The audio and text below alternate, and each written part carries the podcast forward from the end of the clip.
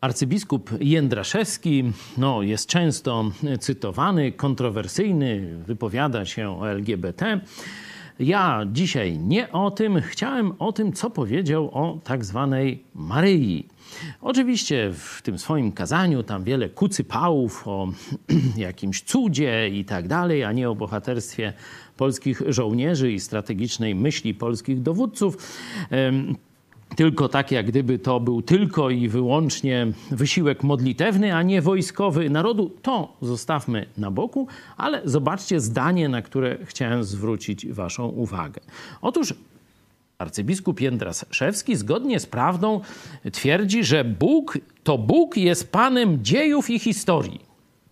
To Bóg jest Panem dziejów i historii. No to spodziewamy się, że no, człowiek religijny, no, biskup katolicki to teraz powie, to módlmy się do Boga. Nie? No jak Bóg jest Panem historii, Panem dziejów, no to chcemy tam mieć wpływ, chcemy, żeby Bóg coś dla nas zrobił, no to prośmy Boga, nie? Tak by sobie zdrowo myślący człowiek kombinował. Nie.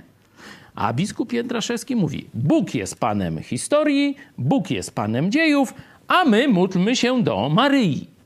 Hm. No człowiek inteligentny. No mówi o Bogu, który jest Panem, a każe modlić się do człowieka co to jest.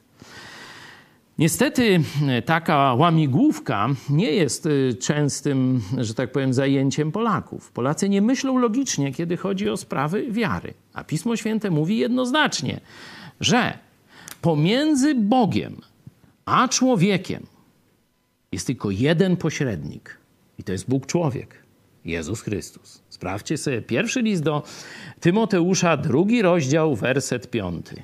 Z jednej strony Bóg, z drugiej strony człowiek. Jeden pośrednik. Nie ma ani jednego innego, ani żadnego innego, prócz Jezusa Chrystusa. Tego w Kościele katolickim wam nie powiedzą. Będą was dalej kłamać, będą was dalej zwodzić, będą się kazać modlić do człowieka.